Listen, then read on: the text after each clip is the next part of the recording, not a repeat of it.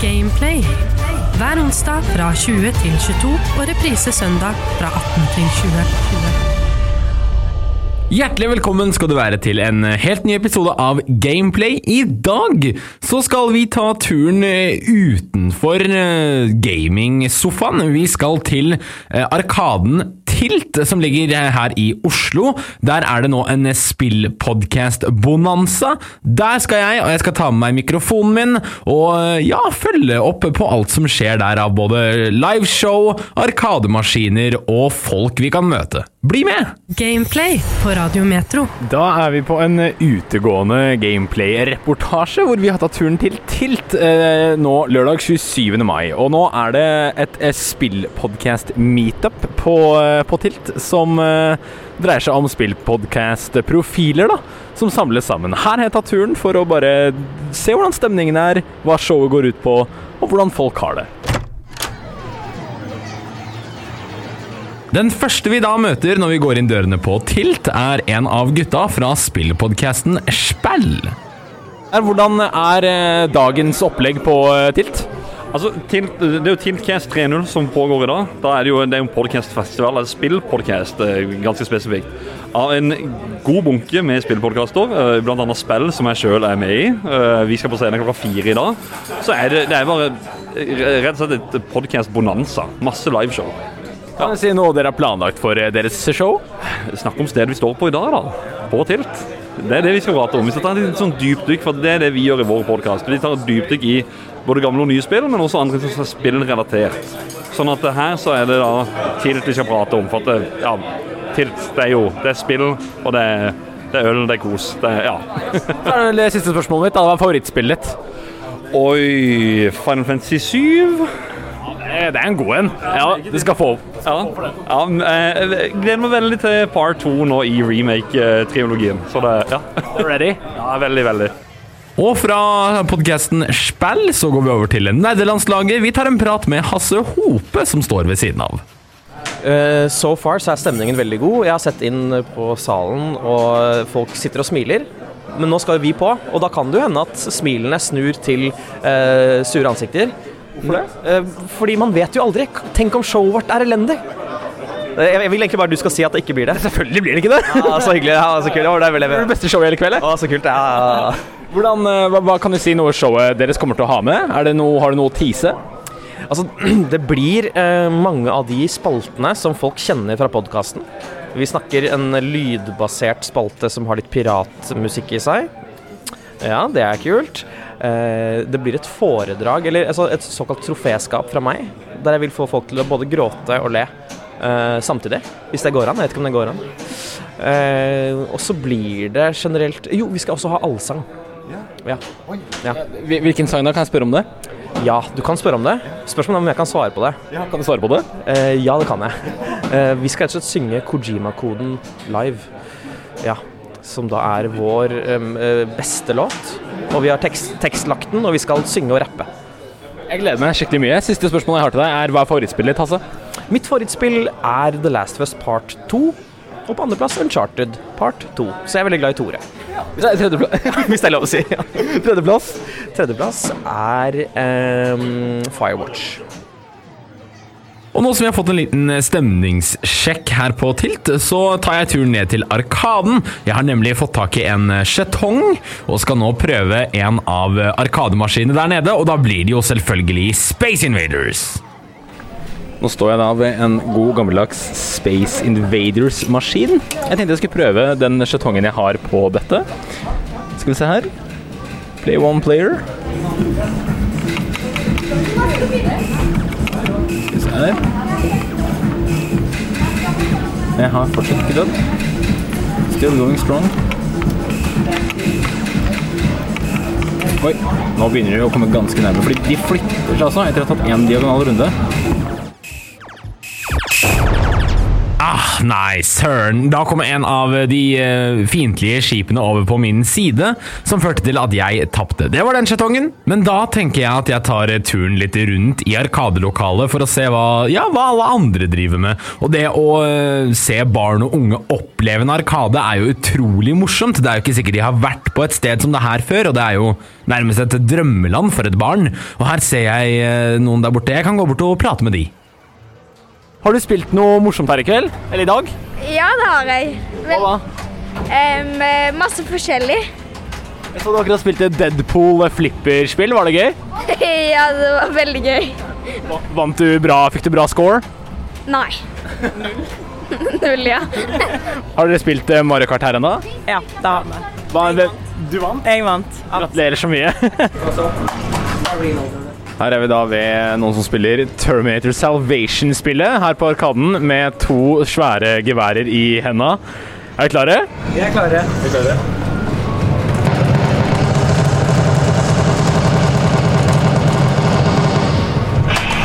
Jeg har altså aldri sett roboter bli eh, fortere smuldret opp enn det her. Der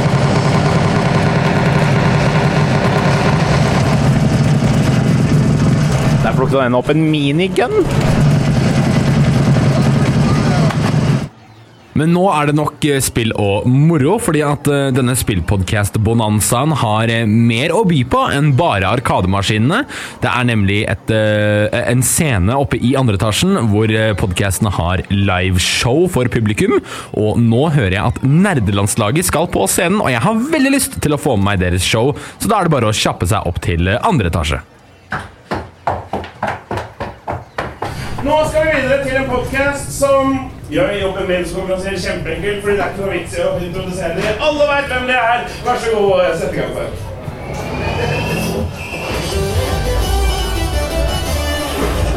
Mine damer og herrer, velkommen til Nerdelandslaget. Det er en ære å få presentere kveldens underholdning. Han hater Nintendo 64-kontrollere. Han kan mer om Silent Hill enn Hideo Kojima. Steffen Lund!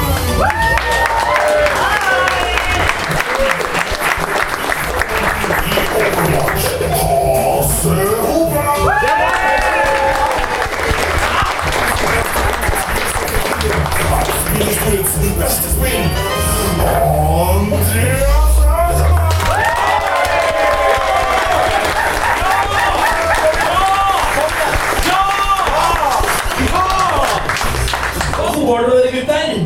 Det går veldig bra. Eh, jeg er veldig glad for at så mange eh, kunne være her.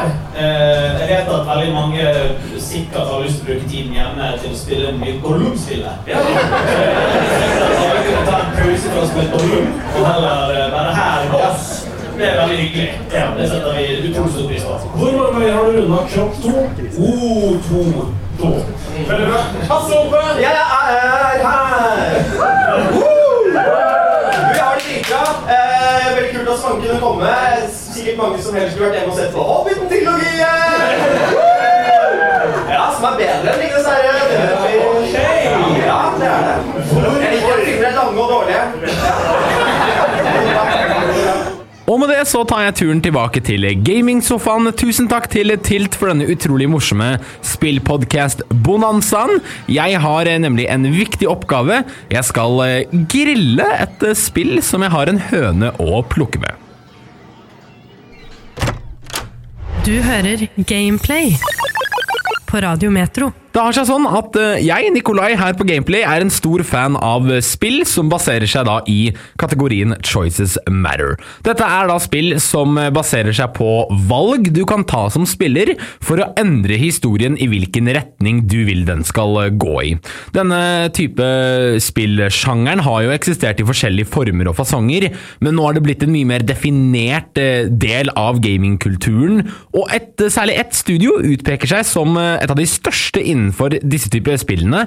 Det er da Supermassive Games. De står bak spill som Until Dawn, The Quarry og også sin eh, spillserie som de kaller for The Dark Pictures Anthology. Dette er da en serie med skrekkspill som tar for seg denne eh, valgbaserte spillmekanikken og implementerer den i en setting som er veldig lik en eh, skrekkfilm. da. Jeg har nevnt det litt tidligere på Gameplay, hvordan det er eh, som, å, som å spille en skrekkfilm du har eh, regi over. Og det er ofte dette de spillene baserer seg på. Du er ofte en gruppe med overlevere som er i en skummel situasjon, og så må du prøve å overleve basert på å ta de riktige valgene. Det er ofte hvordan de spillene fungerer, og det spillet jeg vil snakke om i dag, er deres nyeste tilskudd til The Dark Pictures Anthology-serien, spillet som heter The Devil In Me. Jeg bør også gjøre bevisst på at det spillet jeg skal snakke om har en aldersgrense på 17 år eller høyere, så hvis du er under denne aldersgrensen, så i hvert fall forhør deg med foreldrene dine først om du vurderer å skaffe deg til spillet, og hvis du er litt svak for skrekkelementer, så er du også bevisst på det da nå som jeg kommer til å dypdykke litt i dette spillet. The Devil In Me ble lansert 18.11.2022 og tar for seg en gruppe på fem individer som alle jobber med å lage dokumentarfilmer om, eh, om skrekkhendelser, da, og eh, true crime, som det også kan kalles. De har ikke hatt en veldig suksessfull uh, sesong, og prøver å runde den av med en episode om den amerikanske seriemorderen H.H. Holmes, som var en ekte mann på sent 1800-tallet, som har blitt ganske kjent for hans grove forbrytelser.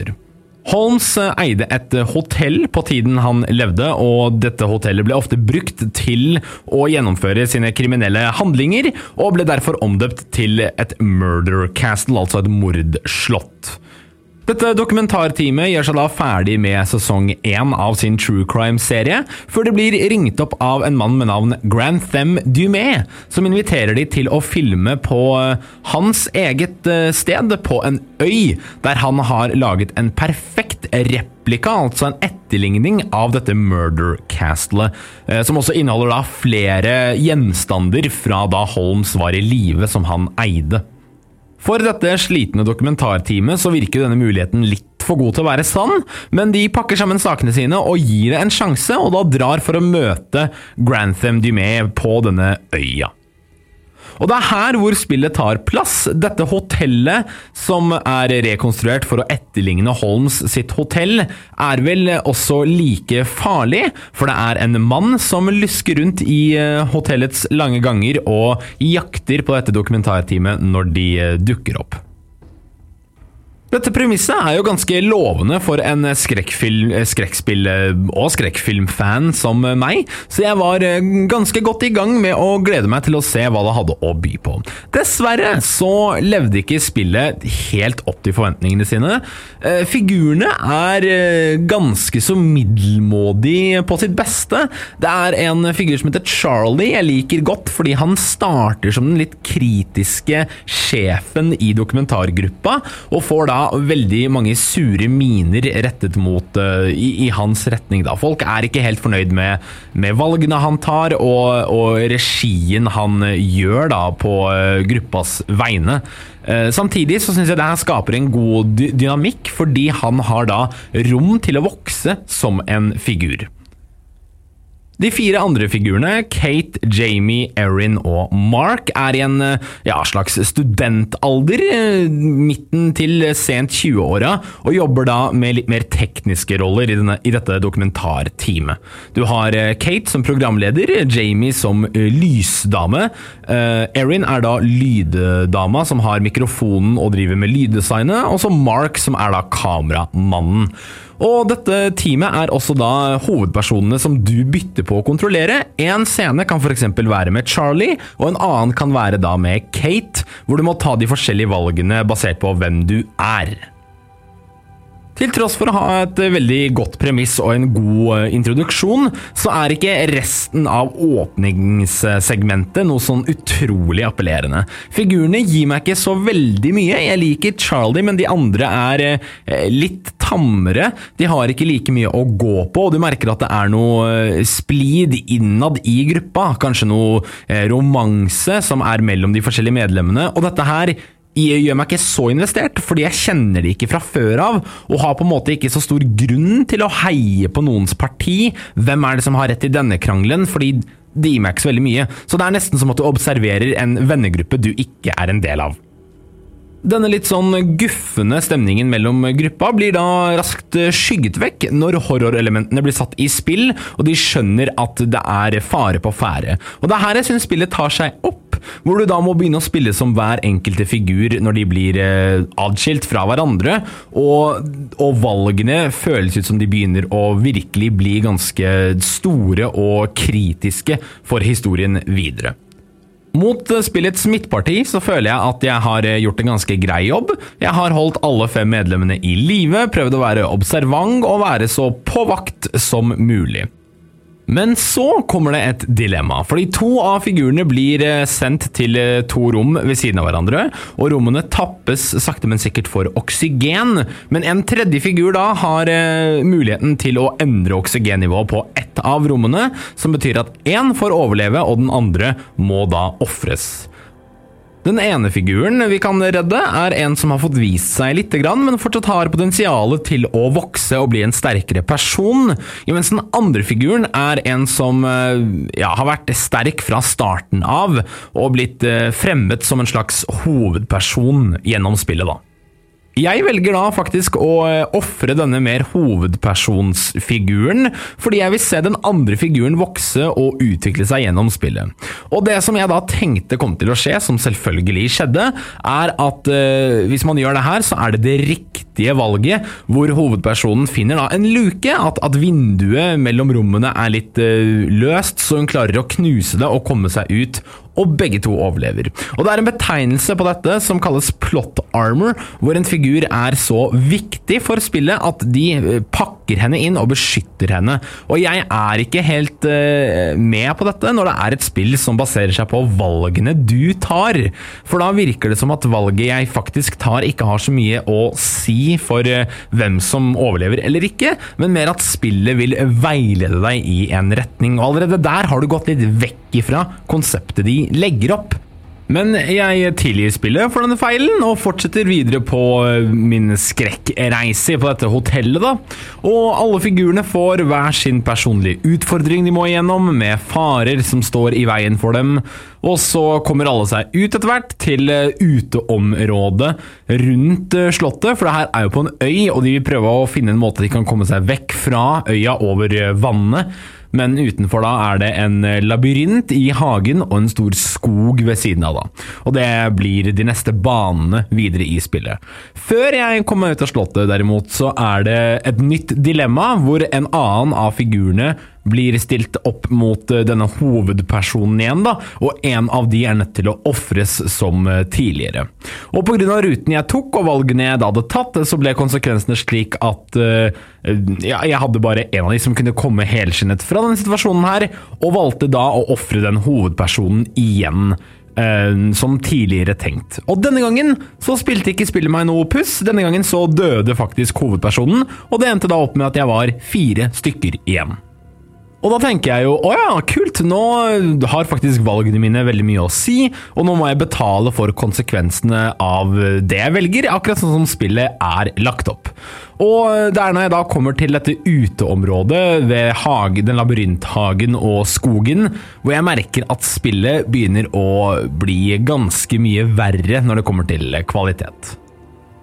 Når jeg da er utenfor, så er det en sekvens hvor jeg spiller som, som, Charlie, og klarer da å møte på en bug i systemet, en glitch, hvor figuren min glitcher seg igjennom eh, brettet, slik at jeg havner med halve kroppen under eh, bakken, og da eh, mister litt grep over hvor jeg er i banen jeg spiller på, og så går jeg rundt, vandrer rundt, og så plutselig så klarer jeg ikke å bevege figuren min lenger, og må gå ut til menyen av spillet og inn igjen for å kunne fortsette å spille. Og disse, disse glitchene møter man jo på i spill, og de er som oftest ganske overkommelige, men man møter, man møter mest på de i sånn åpen verdensspill, hvor det er mange områder å gå på og eh, mange sånne glitcher kan oppstå. Her i dette spillet så er banene litt eh, mer kompakte og små, så man skulle trodd at alt var gjennomført eh, ordentlig. da.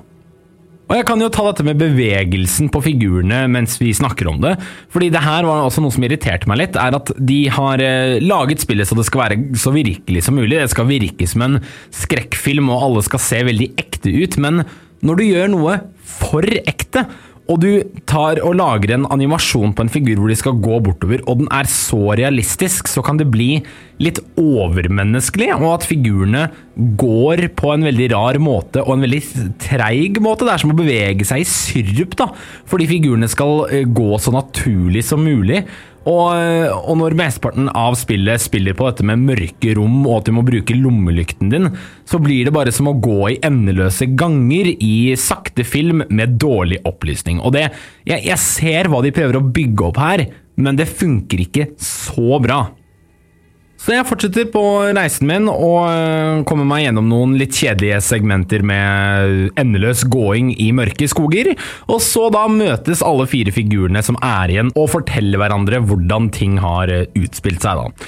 Og da først så møter Charlie og Mark Erin, hvor hun da forteller at ja, nei, Kate døde dessverre i det valget tidligere, og da ser du reaksjonen på både Mark og Charlie er sånn å nei, hun døde, veldig kjipt, og de blir lei seg. Og så kommer Jamie, den siste figuren, og forteller dem det samme, og de reagerer overrasket og lei seg igjen. Og da skjønte jeg å ja, fordi Kate er en så stor hovedrolle i dette spillet, så har de ikke tatt høyde for at hun kommer til å dø, og derfor har de glemt å programmere sånn at den reaksjonen bare skjer én gang. Og det her igjen undergraver jo litt dette med valg, og det virker ikke som at spillet egentlig tar høyde for at du skal få velge det du vil. Det er som at de er så fast bestemt på at Kate skal være i live på det punktet at eh, de ikke har tatt høyde for at figurene kommer til å reagere annerledes, da. Så kommer eh, sluttpartiet av spillet, der eh, de fire gjenlevende figurene mine klarer å eh, stikke av på en båt og kommer seg godt inn på sjøen. Og selvfølgelig skjer det mest forutsigbare noen gang. Morderen klarer å klamre seg til båten med en øks og blir med dem ut på havet uten at de vet det, og hopper da opp på båten når de har kommet seg et godt stykke unna øya. da. Og da kommer den aller siste, mest intense prøvelsen overlev morderen på båten. Og det som er, er at gjennom spillet så eh, kan det skje ganske raske valg du må ta der og da, eller ting du må vike for eller hoppe unna, og det gjør du ved å bruke musa i det som kalles en quicktime event. Da kommer det opp et ikon som viser venstre musetast, og da må du trykke på den innenfor en tidsramme for å klare det. Og da dukker det opp en sånn quicktime event hvor det viser at jeg må trykke på venstre musetast flere ganger etter hverandre. Og jeg klikker da nevrotisk på den for å ikke dø, men da skjedde en feil. Det er ingenting som skjer på skjermen når jeg gjør det, og tiden går ut. Så jeg prøvde å klikke på høyre museknapp, og det eh, var riktig, selv om den ikke viste det på skjermen. Men tiden hadde gått ut, så det endte opp med at Mark, en av figurene mine, døde pga. at spillet eh, altså ikke klarte å vise meg hvilken knapp jeg skulle trykke på engang. Og dette var en av de siste intense øyeblikkene, og etter det så var spillet mer eller mindre ferdig. Så det betyr at en av figurene mine døde rett på målstreken pga. at spillet var for dårlig på å gi meg informasjon. Og for å endre på dette her, så kunne jeg da f.eks. spilt hele spillet om igjen. Eh, og det orket jeg jo ikke. Jeg hadde akkurat spilt det i fire-fem timer og var på målstreken, så jeg tenkte at vet du hva, jeg får bare la det skje. Og da måtte jeg se hele avslutningen utspille seg med de tre jeg hadde i live nå. Uten Mark, og måtte høre 'Å nei, Mark døde'. Mark døde, og det er veldig trist. Jeg hørte det flere og flere ganger, og jeg var sånn det det er ikke min feil at han døde, det er spillet sin feil. Hos meg så hadde han overlevd hele greia, men pga. spillet ikke hadde jobba godt nok med å vise hva slags knapper jeg skulle trykke på, så førte det til at jeg fikk annet, eh, en, en annen avslutning da enn jeg kanskje vanligvis ville fått. Og dette gjorde meg veldig bitter. Altså Greit nok at en figur har litt plot armor og blir passet på litt ekstra av utviklerne, eller eh, en eh, liten bug skjer som fører til at jeg må starte spillet på nytt igjen. Altså Dette her er overkommelige ting, det gjør meg ingenting i det store og det hele. Men det at hele spillets avslutning ble endret pga. spillet feilinformerte meg om hva jeg skulle gjøre. At, at spillet har skyld i at det endte sånn som det gjorde. Det liker jeg ikke. I hvert fall ikke i et spill hvor alle valgene mine er eh, noe jeg tar helt på egen hånd, og hvor jeg står ansvarlig for alle tingene som skjer. Fordi den siste avgjørelsen der, den står jeg ikke ansvarlig for. Spillet skulle ha informert meg bedre, og den gjorde ikke det, fordi at Jeg vet ikke, det var ikke gjennomført godt nok. Så da hadde hele avslutningen bare en sykt bitter ettersmak, og jeg kan med hånda på hjertet si The Devil in Me er ikke verdt å kjøpe. Eh, Handlingen til spillet bygde seg heller ikke noe særlig opp, og den, den var bare et evigvarende mysterium jeg aldri ble helt investert i heller. Så jeg, jeg, jeg kan vel gi den her et terningkast tre, og da er jeg veldig sjenerøs. Og da er det for ja, altså Det hadde noen gode elementer. Det var eh, noen valg som var ganske kule, hvor jeg følte at jeg faktisk fikk mestringsfølelse av å ta det riktige valget. Og så hadde de også en del horrorelementer fra andre filmer, som annet The Shining, Friday 13, Halloween Noen sånne elementer jeg merket igjen, og det var ganske kult eh, gjort da når du først lager et horrorspill.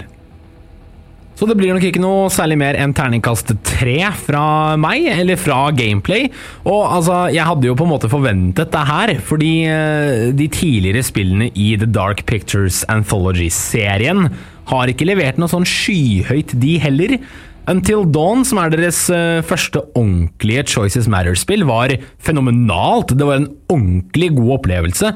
Men etter det så har de feilet lite grann. Eh, spesielt et spill som het Little Hope var ubegripelig dårlig. Eh, og det spillet her er Det er bedre enn Little Hope, men det skal ikke så veldig mye til å legge de her nederst på, på lista. Og det var egentlig eh, Jeg tror kanskje det er den første litt negative anmeldelsen jeg har hatt her på Gameplay, men altså, noen spill må jo kritiseres også. Spill er kunst, og de skal skrytes og kritiseres når det er behov for det. Og med det så vil jeg si tusen hjertelig takk for at du har hørt på Gameplay. Hvis du har noen andre formeninger om The Devil in Me og mener at Nikolai snakker bare tøv, så kan du sende meg en melding på, eh, på Instagram. Der heter vi Gameplaymetro. Og så kan du kanskje overbevise meg om hvorfor spillet er bedre enn jeg sa, eller kanskje verre til og med enn det jeg sa. Og som alltid så høres vi neste onsdag med en helt ny gameplay-episode. Da skal vi snakke om helt andre spill. Det blir veldig gøy, det. Jeg gleder meg og håper du gleder deg like mye. Vi snakkes! Gameplay på Radio Metro. Onsdag kveld fra 20 til 22.